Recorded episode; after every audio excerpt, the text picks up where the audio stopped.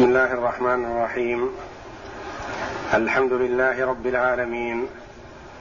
والصلاة والسلام على نبينا محمد وعلى آله وصحبه أجمعين. وبعد. أعوذ بالله من الشيطان الرجيم. ولا يحسبن الذين كفروا سبقوا إن إنهم لا يعجزون. وأعدوا لهم ما استطعتم من قوة.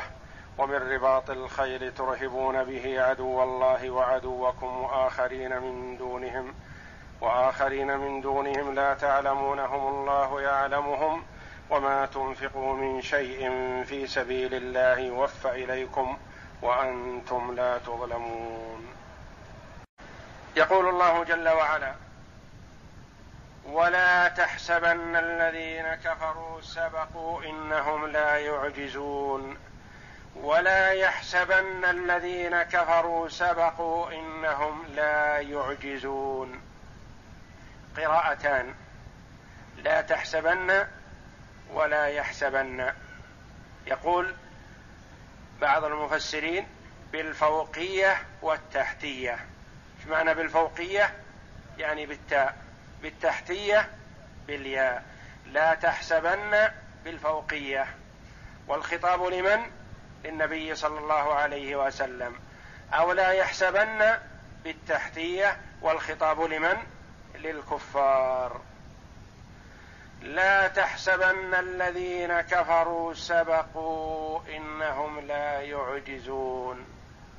يقول الله جل وعلا لعبده ورسوله محمد صلى الله عليه وسلم لا تحسبن الذين كفروا سلموا من الذين سلموا من القتل يوم بدر وفروا إلى مكة الجيش والعير.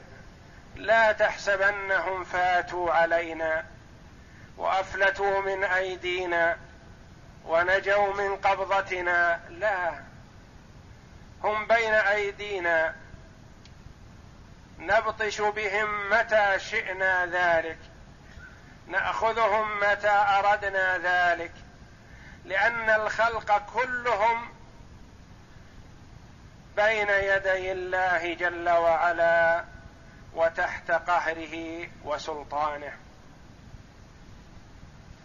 أنت أيها المخلوق قد تريد أن تبطش بعدو لك لكنه يفلت من يدك. يهرب أو يختفي أو يجد من يعاونه عليك أو يجد من يشفع له أو يجد من يخاطبك فيه فلا توقع به ما اردت العوارض كثيرة وكثيرا ما يحرص المرء على عدوه لأنه يخاف أن يفلت من يده. يخاف أن يفلت من يده. والخلق بين يدي الله جل وعلا لا يسبقون لا يفلتون. لا يهربون مما أراده الله جل وعلا بهم. فلا تحسبن هؤلاء الذين وصلوا إلى مكة ونجوا من القتال يوم بدر لا تحسبنهم أفلتوا من أيدينا ونجوا. لا. فهم لا يعجزون. بين يدي الله ينتقم منهم متى شاء وأراد.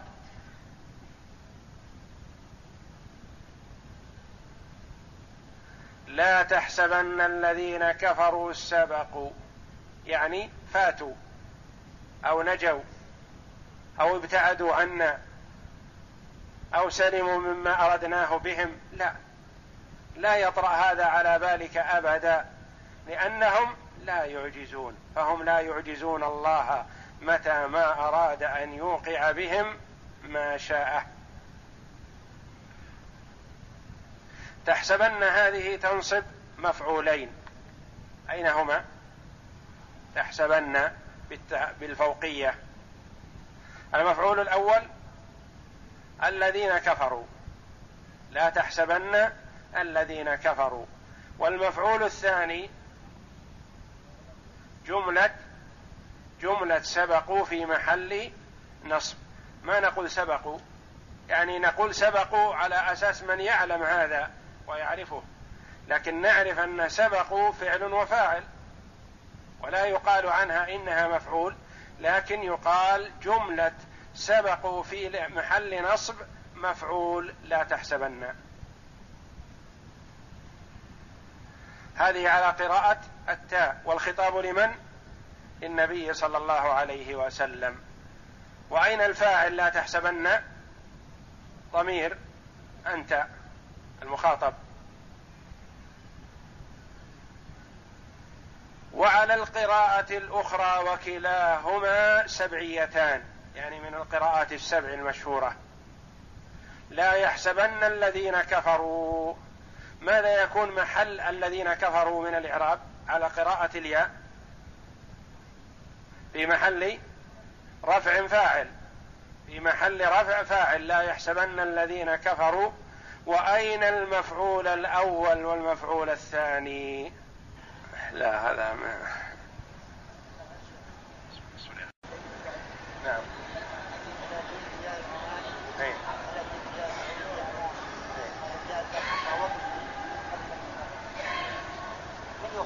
ما تصلح الدراهم الدراهم يتصدق بها صدقة بس الدراهم ما تكون وقف هو وقف خطة ما ادري والله ما أدري والله. ما ما أعرف أن الدراهم توقف. اللي يوقف الشيء الذي يبقى عينه وينتفع به. الدراهم ما ينتفع بها إلا بإتلافها. فالدراهم يتصدق بها صدقة. صدق بها على من شئت.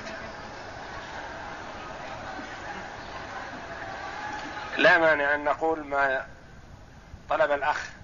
هو معه يقول 300 ريال أو ما يعادل 300 ريال بعملته هو. يقول إنه كلف بأن يوقفها في المسجد الحرام. فأخبرته أنا بأن الدراهم لا تكون وقفا وإنما الذي يصح وقفه هو ما ينتفع به مع بقاء عينه. ما ينتفع به مع بقاء عينه. مثلا يكون مصاحف كتب علم هذه تصلح وقف. ينتفع بها مع بقاء عينها. أما الدراهم فلا تكون وقفا لأنها لا ينتفع بها إلا بإتلافها. والوقف هو تحبيس الأصل وتسبيل المنفعة. الوقف تحبيس الأصل وتسبيل المنفعة. فإذا كان مراد التصدق بها فيتصدق بها بأعيانها. وإذا كان المراد الإيقاف فيشتري بها شيئا يجعله وقفا. يشتري بها كتب أو مصاحف أو شيء ينتفع به مع بقاء عينه أو فراش أو نحو ذلك.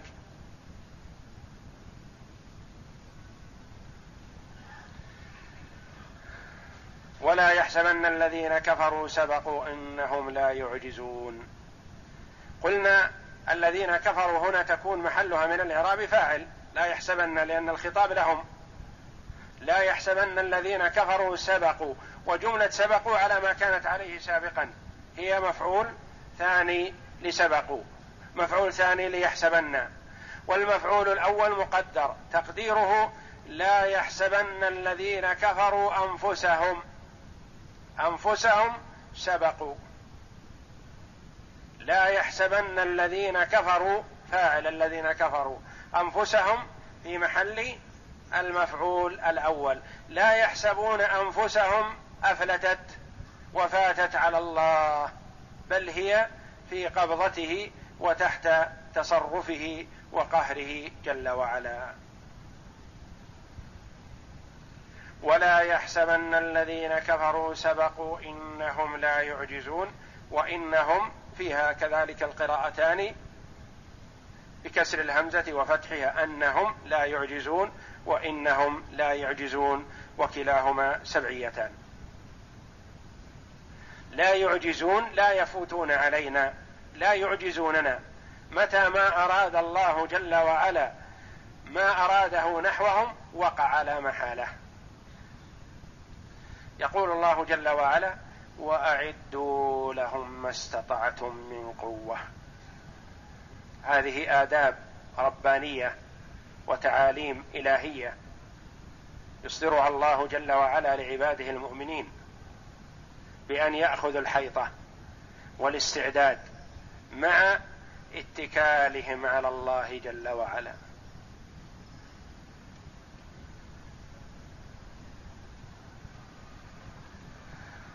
فلا يصح منهم أن يتكلوا على الله ويتركوا فعل الأسباب. هذا لا يجوز. كما أن الاعتماد على الأسباب وحدها لا يجوز. تقول أنا أجلس في بيتي. إن كان الله قد قسم لي رزقا جاءني من السماء. أغلق علي الباب ورزقي سيأتيني. أنا متوكل على الله. هل هذا صحيح؟ لا هذا خطأ. تعتمد على فعل الأسباب ولا تلتفت إلى الله. هذا لا يجوز وهو خطأ. وإنما المطلوب من المؤمن ماذا؟ أن يفعل الأسباب ويعتمد على الله جل وعلا لا على السبب. يفعل السبب ويعتمد على الله.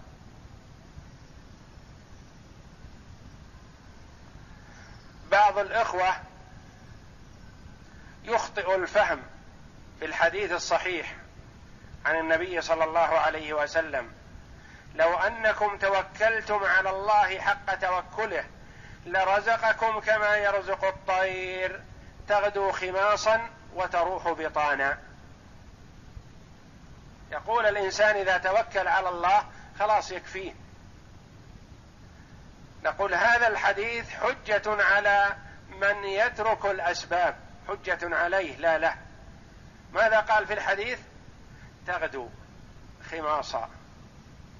ما قال تبقى في وكورها أو في جحورها. لو أنكم توكلتم على الله حق توكله لرزقكم كما يرزق الطير تغدو. بطونها خالية ليس فيها شيء. فيرزقها الله بغدوها وتنقلها وترجع إلى أوكارها ليلا. بطانا ملأ بطونها.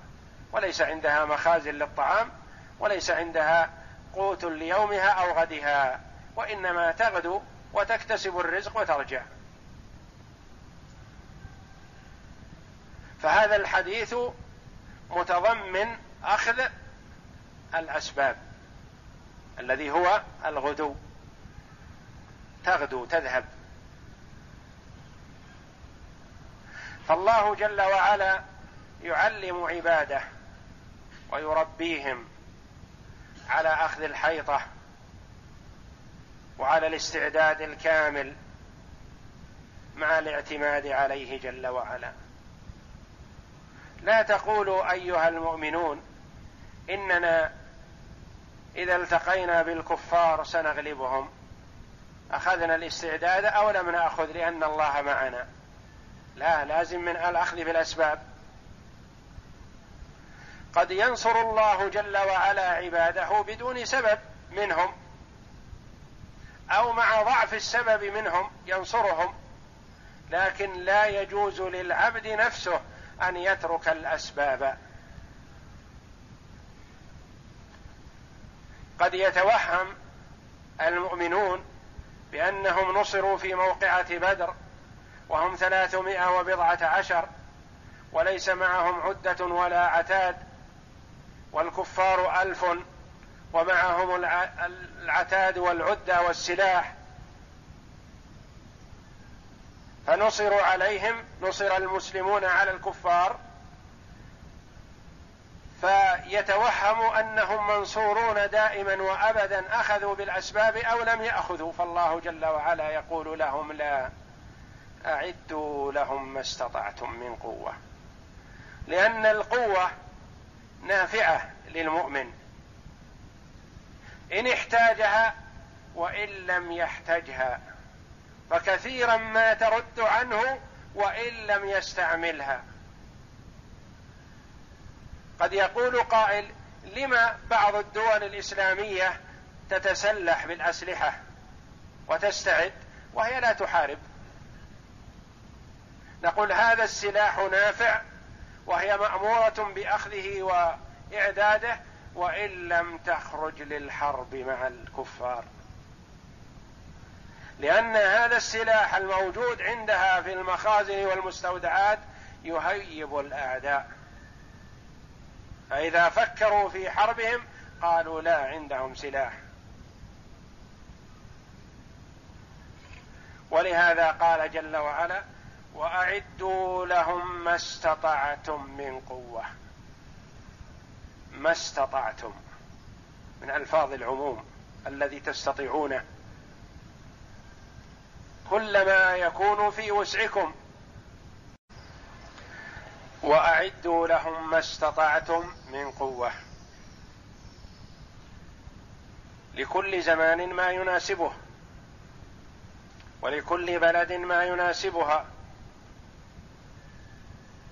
كل ما يمكن أن ترد به على أعدائك فاتخذه.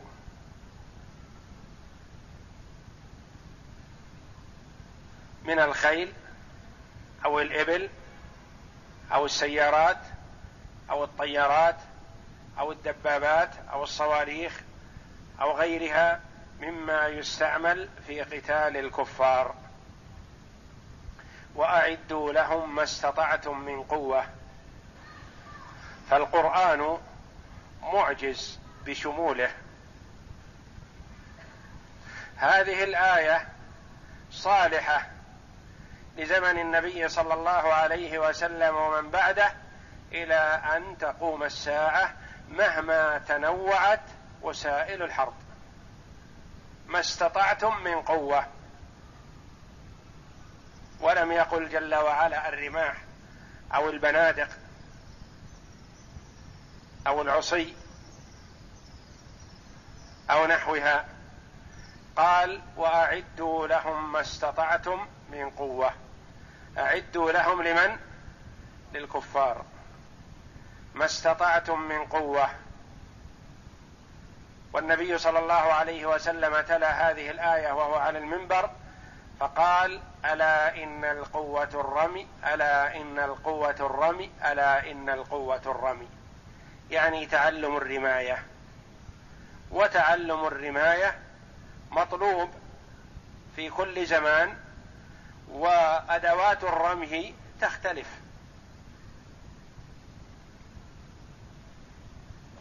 كلما يرمى به الأعداء ويقاتل به الأعداء فيعتبر رماية سواء كان بالبنادق أو بغيرها من الوسائل الحديثة. وأعدوا لهم ما استطعتم من قوة. والنبي صلى الله عليه وسلم أمر قال أرموا واركبوا وإن ترموا أحب إلي من أن تركبوا. يعني الرماية أهم. يتعلم الركوب ويتعلم الرمي وتعلمه الرمي أهم. ما استطعتم من قوة. فهذا صادق على كل قوة يمكن أن تتخذ لكفاح ولمحاربة الأعداء ومن رباط الخيل ومن رباط الخيل ومن ربط الخيل.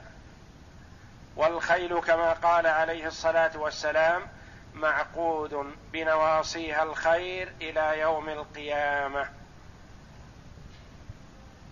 الأجر والمغنم أو كما قال صلى الله عليه وسلم كما سيأتينا. فربط الخيل فيه إرهاب للأعداء وتخويف لهم وإن لم يحتج إليها أو تستعمل. ومن رباط الخيل ويقول عليه الصلاة والسلام الخيل ثلاثة خيل للرحمن وخيل فرس للرحمن وفرس للشيطان وفرس للإنسان. فالتي للرحمن هي ما ربطت للجهاد في سبيل الله. وذكر صلى الله عليه وسلم عظم ثواب من ربطها وأن روثها وبولها وشربها ورعيها كله لصاحبها صدقة يوم القيامة. وخيل للشيطان وهو هي التي اتخذها صاحبها للرياء والمقامرة والمفاخرة. اتخذها للمفاخرة والمقامرة والرياء. هذه للشيطان وفي سبيل الشيطان.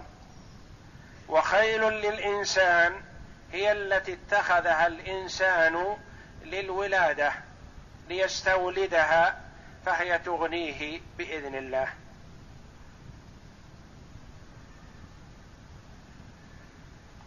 وقال عليه الصلاة والسلام في الحديث الآخر الخيل لثلاثة لرجل أجر ولرجل ستر وعلى رجل وزر. وبين عليه الصلاة والسلام التي للأجر هي المربوطة في سبيل الله والتي للرجل ستر هي التي أعدها لحاجته ولم ينس حق الله في ظهرها يتصدق الصدقة الواجبه عليه فيها ويواسي فيها إخوانه وهي لرجل وزر إذا اتخذها للفخر والرياء ومناوأة المسلمين.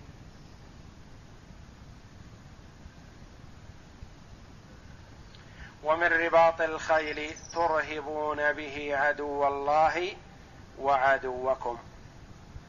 هذه القوة وهذه الخيل تخوفون بها عدو الله وعدوكم. من هم؟ الكفار.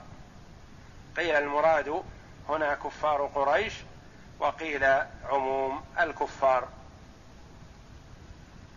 وآخرين من دونهم لا تعلمونهم. وآخرين من دونهم يعني من غير هؤلاء الذين أظهروا العداوة من هم؟ للعلماء في ذلك أقوال. قيل هم اليهود الذين عندكم في المدينة. إذا اتخذتم هذا الاستعداد خافوكم من نقض العهد. وقيل المراد المنافقون الذين داخل المدينة. هم من أعدائكم ومثل اليهود والكفار لكن لا تعلمونهم لأنهم قد يأتون يصلون معكم ويحجون معكم ويخرجون معكم وآخرين من دونهم لا تعلمونهم. الله يعلمهم لأنه يعلم خائنة الأعين وما تخفي الصدور. وقيل المراد بالآخرين هؤلاء الفرس. وقيل المراد شياطين الجن لأن شياطين الجن إذا رأت عند المسلمين القوة والاستعداد والخيل خاصة هابتهم. فلا تخبل في بيت فيه خيل تخاف منها. إذا ربطت الخيل في سبيل الله فالشياطين والجن تخافها. قيل الفرس وقيل اليهود وقيل المنافقون وقيل الجن. هؤلاء الذين لا تعلمونهم بل الله هو الذي يعلمهم جل وعلا. وآخرين من دونهم لا تعلمونهم الله يعلمهم. ثم قد يقول قائل الفرس تحتاج إلى نفقات طائلة وإلى ملازمة. وإلى عناية وإلى رياضة وإلى غير ذلك من لوازم ربطها. فقد يترك ربطها لأنه يقول قد لا يحتاجها في السنة إلا مرة أو مرتين وهي تحتاج إلى نفقات طائلة. فيقول الله جل وعلا وما تنفقوا من شيء في سبيل الله يوفى إليكم. أي شيء تنفقه في سبيل الله؟ النفقة على الخيل النفقة على المجاهدين في سبيل الله. أي نفقة تنفقها كثرت أو قلت فإنها تدخر لك وتحفظ. لا تقل هذه النفقة على خيل ضائعة لا. هذه محفوظة لك. إذا أنفقتها على خيل في سبيل الله على خيل مربوط للجهاد في سبيل الله فإنه يوفى إليك ويحفظ لك. نفقة أنفقتها في سبيل الله تضاعف لك الدرهم بسبعمائة درهم. إلى أضعاف كثيرة. كما قال الله جل وعلا مثل الذين ينفقون أموالهم في سبيل الله كمثل حبة أنبتت سبع سنابل في كل سنبلة مائه حبه والله يضاعف لمن يشاء. سبع سنابل في كل سنبلة مائه حبة. كم المجموع؟ سبع في مائه بسبعمائه والله يضاعف لمن يشاء يعطي زيادة وأكثر من ذلك. وما تنفقوا من شيء في سبيل الله من شيء وإن كان قليل. النكرة تأتي للتقليل كما تأتي للتكثير. وتأتي للتحقير وتأتي للتعظيم والتعويل. فمهما تنفق من نفقة في سبيل الله قلت أو كثرت توفى إياها يعني تعطى إياها وتحفظ لك. تجدها أوفر ما كانت يوفى إليكم وأنتم لا تظلمون. لن تظلم بل ستعطى ما وعدك الله. ستعطى ما وعدك الله. قد يقول قائل هنا ليس فيه مجال للظلم. لأنه إذا كانت النفقة بسبعمائة افرض أنها النفقة بمثلها ونصف أو بمثلها مرتين فما بالك بسبعمائة؟ لا مجال للظلم هنا. يقال الله جل وعلا وعد ووعده حق. وعد بالنفقة في سبيل الله بسبعمائة ضعف. ووعده حق. فإذا نقص من هذه شيء بمثابة أنه وعد من الله كأنه صار ظلم ما أعطي العبد حقه. والله جل وعلا منزه عن الظلم بل يعطي عباده حقهم وما وعدهم به وزيادة. وما تنفقوا من شيء في سبيل الله يوفى إليكم يعني تعطون إياه وافيا كاملا غير منقوص بل مضاعف أضعافا مضاعفة. كما ورد في الحديث أن الله جل وعلا يتقبل الصدقة من عبده بيمينه وكلتا يدي ربي يمين مباركة فيربيها لأحدكم كما يقول عليه الصلاة والسلام فيربيها لأحدكم كما يربي أحدكم فلوه يعني الفرس التي يحرص عليها ويربيها وينميها فيربيها الله جل وعلا لعبده حتى يجدها وإن كانت تمرة واحدة يوم القيامة كالجبل العظيم. فضل من الله وإحسان. وما تنفقوا من شيء في سبيل الله يوفى إليكم وأنتم لا تظلمون. وفي هذا ترغيب بالنفقة في سبيل الله. وأن يقصد الإنسان بنفقته ابتغاء وجه الله وإن كانت نفقة على أهله وأولاده. فإذا احتسبها أجر عليها بإذن الله.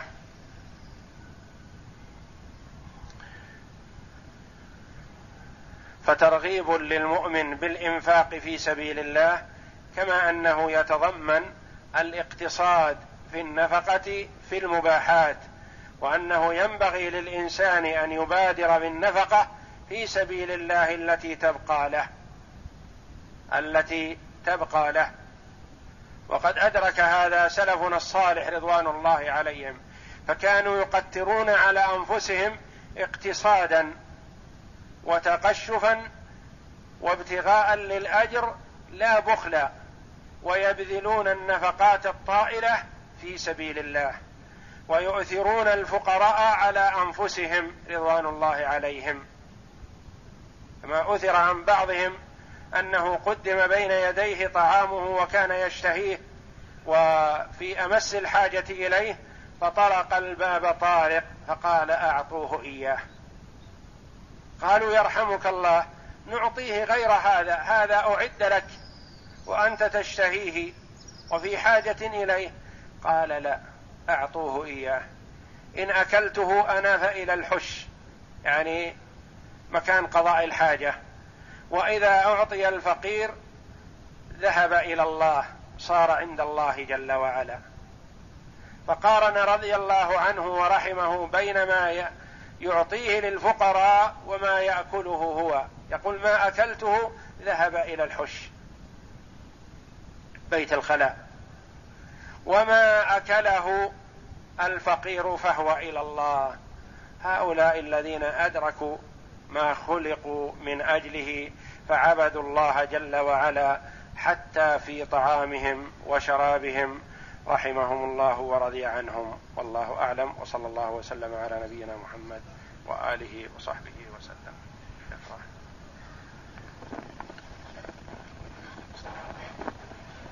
أعوذ بالله من الشيطان الرجيم. ولا يحسبن الذين كفروا سبقوا إنهم لا يعجزون.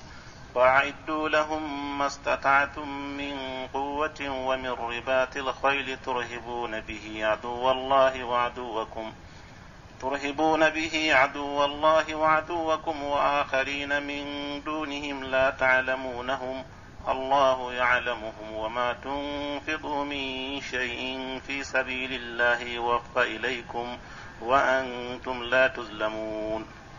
قال ابن كثير رحمه الله تعالى يقول الله تعالى لنبيه صلى الله عليه وسلم ولا تحسبن يا محمد الذين كفروا سبقوا أي فاتونا فلا نقدر عليهم بل هم تحت قهر قدرتنا وفي قبضة مشيئتنا فلا يعجزوننا كقوله تعالى أم حسب الذين يعلم يعملون السيئات أن يسبقونا ساء أن يسبقونا ساء ما يحكمون أي يظنون. وقوله ولا تحسبن الذين كفروا معجزين في الأرض ومأواهم النار ولبئس المصير.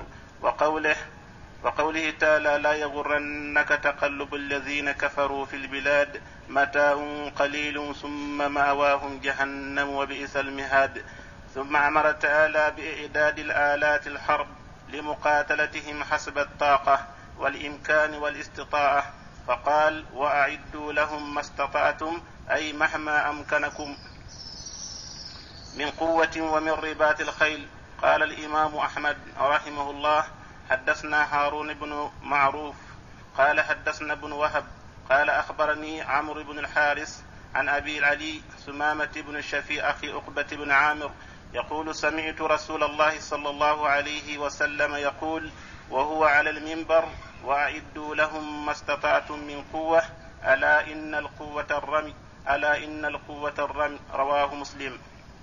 رواه مسلم عن هارون بن معروف وأبو داود عن سعيد بن منصور وابن ماجه عن يونس بن عبد العالى سلانتهم عن عبد الله بن وهب به. ولهذا الحديث طرق أخرى عن عقبة بن عامر منها ما رواه الترمذي من حديث صالح بن كيسان عن رجل عنه وروى الإمام أحمد وأهل السنن عنه. قال قال رسول الله صلى الله عليه وسلم ارموا واركبوا فإن فإن ترموا خير من أن تركبوا. وقال الإمام مالك عن زيد بن أسلم عن أبي صالح السمان عن أبي هريرة رضي الله عنه أن رسول الله صلى الله عليه وسلم قال الخيل لثلاثة لرجل اجر ولرجل ستر ولرجل ستر ولرجل وزر. فأما الذي له أجر فرجل ربتها في سبيل الله فأطال بها في مرج أو روضة فما أصابت في طيلها ذلك من المرج من المرج أو الروضة كانت له حسنات ولو أنها قطعت تيلها فاستن ولو أنها قطعت طيلها. ولو أنها قطعت تيلها فاستنت رباطها والله أعلم. نعم. فاستنت شرفا أو شرفين كانت آثار كانت آثارها كانت آثارها وأوراثها وأرواسها وأرواسها حسنات له ولو أنها مرت بنهر فشربت منه ولم يرد أن يسقي به كان ذلك حسنات له. فهي لذلك الرجل أجر ورجل ربتها تغنيا وتعففا ولم ينس حق الله في رقابها ولا ظهورها فهي له ستر. ورجل ربتها فخرا ورياء ونواء فهو فهي على ذلك وزر. وسئل رسول الله صلى الله عليه وسلم عن الحمر فقال ما أنزل الله فيها شيئا إلا هذه الآية الجامعة الفاذة فمن يعمل مثقال ذرة خيرا يره ومن يعمل مثقال ذرة شرا يره. رواه يعني هذه الآية جامعة. يعني جمعت وبينت أن الخير وإن قل يجده المرء أمامه. والشر وإن قل وإن كان يسيرا يجده أمامه إن لم يعف الله جل وعلا عنه. فمن يعمل مثقال ذرة خيرا يره ومن يعمل مثقال ذرة شرا يره رواه البخاري وهذا لفظه ومسلم كلاهما من حديث مالك. وقال الإمام أحمد حدثنا حجاج قال أخبرنا شريك عن ربيع بن دكين بن دكين عن القاسم بن حسان عن عبد الله بن مسعود رضي الله عنه عن النبي صلى الله عليه وسلم قال الخيل ثلاثة ففرس للرحمن وفرس للشيطان وفرس للإنسان. فأما فرس الرحمن, فأما فرس الرحمن فالذي يربط في سبيل الله فعلفه وروسه وبوله وذكر ما, وذكر ما شاء الله. وأما فرس يعني أن كله مدخر للعبد يوم القيامة حسنات. فأما فرس الشيطان فالذي يقامر أو يراه أو يراهن عليها فأما فرس يقامر أو يراهن. نعم. والذي يقامر أو يراهن عليها فأما فرس الإنسان فالفرس يربط يربطها الإنسان يلتمس يلتمس بطنها فهي له ستر من الفقر. يعني يستولدها فهي له ستر من الفقر. يعني تغنيه بإذن الله. وقد ذهب أكثر العلماء إلى أن الرمي أفضل من الركوب الخيل من ركوب الخيل. يعني تعلم الرماية وتعلم الركوب كلاهما مطلوب. لكن أيهما أفضل؟ عند الجمهور تعلم الرماية أفضل من تعلم الركوب. وعند الإمام مالك رحمه الله تعلم الركوب أحب إليه من تعلم الرمي. والجمهور معهم الحديث وأن ترموا أحب إلي أو خير من أن تركبوا. وقد ذهب أكثر العلماء إلى أن الرمي أفضل من من ركوب الخيل وذهب الإمام مالك إلى أن الركوب أفضل من الرمي وقول الجمهور أقوى للحديث والله أعلم. وقال الإمام أحمد حدثنا حجاج وهشام قال حدثنا ليس قال حدثني يزيد بن أبي حبيب عن ابن الشماسة عن معاوية ابن خديج أن معاوية بن خديج مر على أبي ذر وهو قائم عند فرس له فسأله فسأله ما تعاني من فرسك هذا؟ فقال إني أظن أن هذا الفرس قد استوجب له دعوته قد استجيب له دعوته. قال وما دعاء بهيمة من البهائم؟ قال والذي نفسي بيده ما من فرس إلا وهو يدعو كل سحر. فيقول اللهم أنت خولتني عبدا من عبادك وجعلت رزقي بيده فجعلني أحب إليه من أهله وماله وولده. قال وحدثني يحيى بن بن سعيد عن عبد عن عبد الحميد بن جعفر قال حدثني يزيد بن أبي حبيب عن سويد بن قيس عن معاوية بن خديج عن أبي ذر رضي الله عنه قال قال رسول الله صلى الله عليه وسلم إنه ليس من فرس عربي إلا يؤذن له مع كل فجر يدعو بدعوتين. فيقول اللهم إنك خولتني من خولتني من بني آدم فاجعلني من أحب أهله وماله إليه أو أحب أهله وماله إليه. رواه النسائي عن عمرو بن علي الفلاس أن يحيى أن يحيى القتان به. وقال أبو القاسم التبراني حدثنا الحسين بن إسحاق التستري قال حدثنا هشام بن عمار قال حدثنا يحيى بن حمزة قال حدثنا المتعم بن مقدام الصنعاني عن الحسن بن أبي الحسن أنه قال لابن الحن ابن الحنزلية يعني سهلا قال حدثني حدثني حديثا. حدثني حديثا سمعته من رسول الله صلى الله عليه وسلم فقال سمعت رسول الله صلى الله عليه وسلم يقول الخيل معقود في نواسها الخير إلى يوم القيامة وأهلها معانون عليها ومن ربت فرسا في سبيل الله كانت النفقة عليه كالمادة بيده. كالماد يده. كالماد يده بالصدقة لا لا يقبضها. والأحاديث الواردة في فضل ارتباط الخيل كثيرة. وفي صحيح البخاري عن عروة بن أبي جعفر البارقي أن رسول الله صلى الله عليه وسلم قال الخيل معقود في نواسيها الخير إلى يوم القيامة الأجر والمغنم.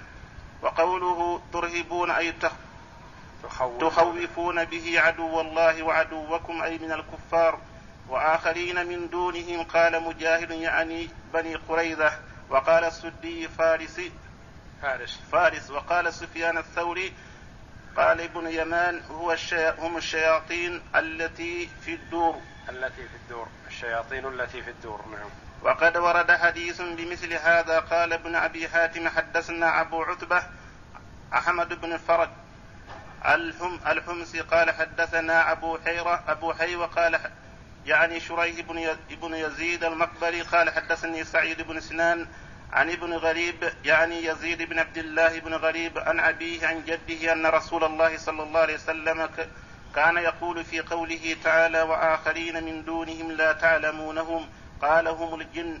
رواه الطبراني عن إبراهيم بن دحيم عن أبيه عن محمد بن شعيب عن عن سنان بن سعيد بن سنان عن يزيد بن عبد الله بن غريب به. وزاد قال رسول الله صلى الله عليه وسلم لا يبخل بيت فيه عتيق من الخيل. وهذا الحديث منكر لا يصح إسناده ولا متنه. وقال مقاتل بن حيان وعبد الرحمن بن زيد بن عسلم هم المنافقون وهذا أشبه الأقوال ويشهد له قوله تعالى ومن ومن وممن حولكم من الأعراب منافقون ومن أهل المدينة مردوا على النفاق لا تعلم لا تعلمهم نحن نعلمهم. وقوله وما تنفقوا من شيء في سبيل الله يوفى إليكم وأنتم لا تظلمون أي مهما أنفقتم في في الجهاد فإنه يوفي إليكم على يوفى إليكم على التمام والكمال. ولهذا جاء في الحديث الذي رواه أبو داود أن الدرهم يضاعف يضاعف ثوابه يضاعف ثوابه في سبيل الله إلى سبعمائة ضيف كما تقدم في قوله تعالى مثل الذين ينفقون أموالهم في سبيل الله كمثل حبة أنبتت سبع سنابل في كل سنبلة مئة حبة. والله يضاعف لمن يشاء والله واسع عليم. وقال ابن أبي حاتم حدثنا أحمد بن قاسم ابن عتية قال حدثنا أحمد بن عبد الرحمن الدشت الدشتكي قال حدثنا أبي عن أبيه قال حدثنا الأشعث بن إسحاق عن جعفر عن سعيد بن جبير عن ابن عباس عن النبي صلى الله عليه وسلم أنه كان يأمر أن لا يتصدق إلا على إلا على أهل الإسلام. حتى نزلت وما تنفقوا من شيء في سبيل الله يوفى إليكم فأمر بالصدقة بعدها على كل من سألك من كل دين وهذا أيضا غريب.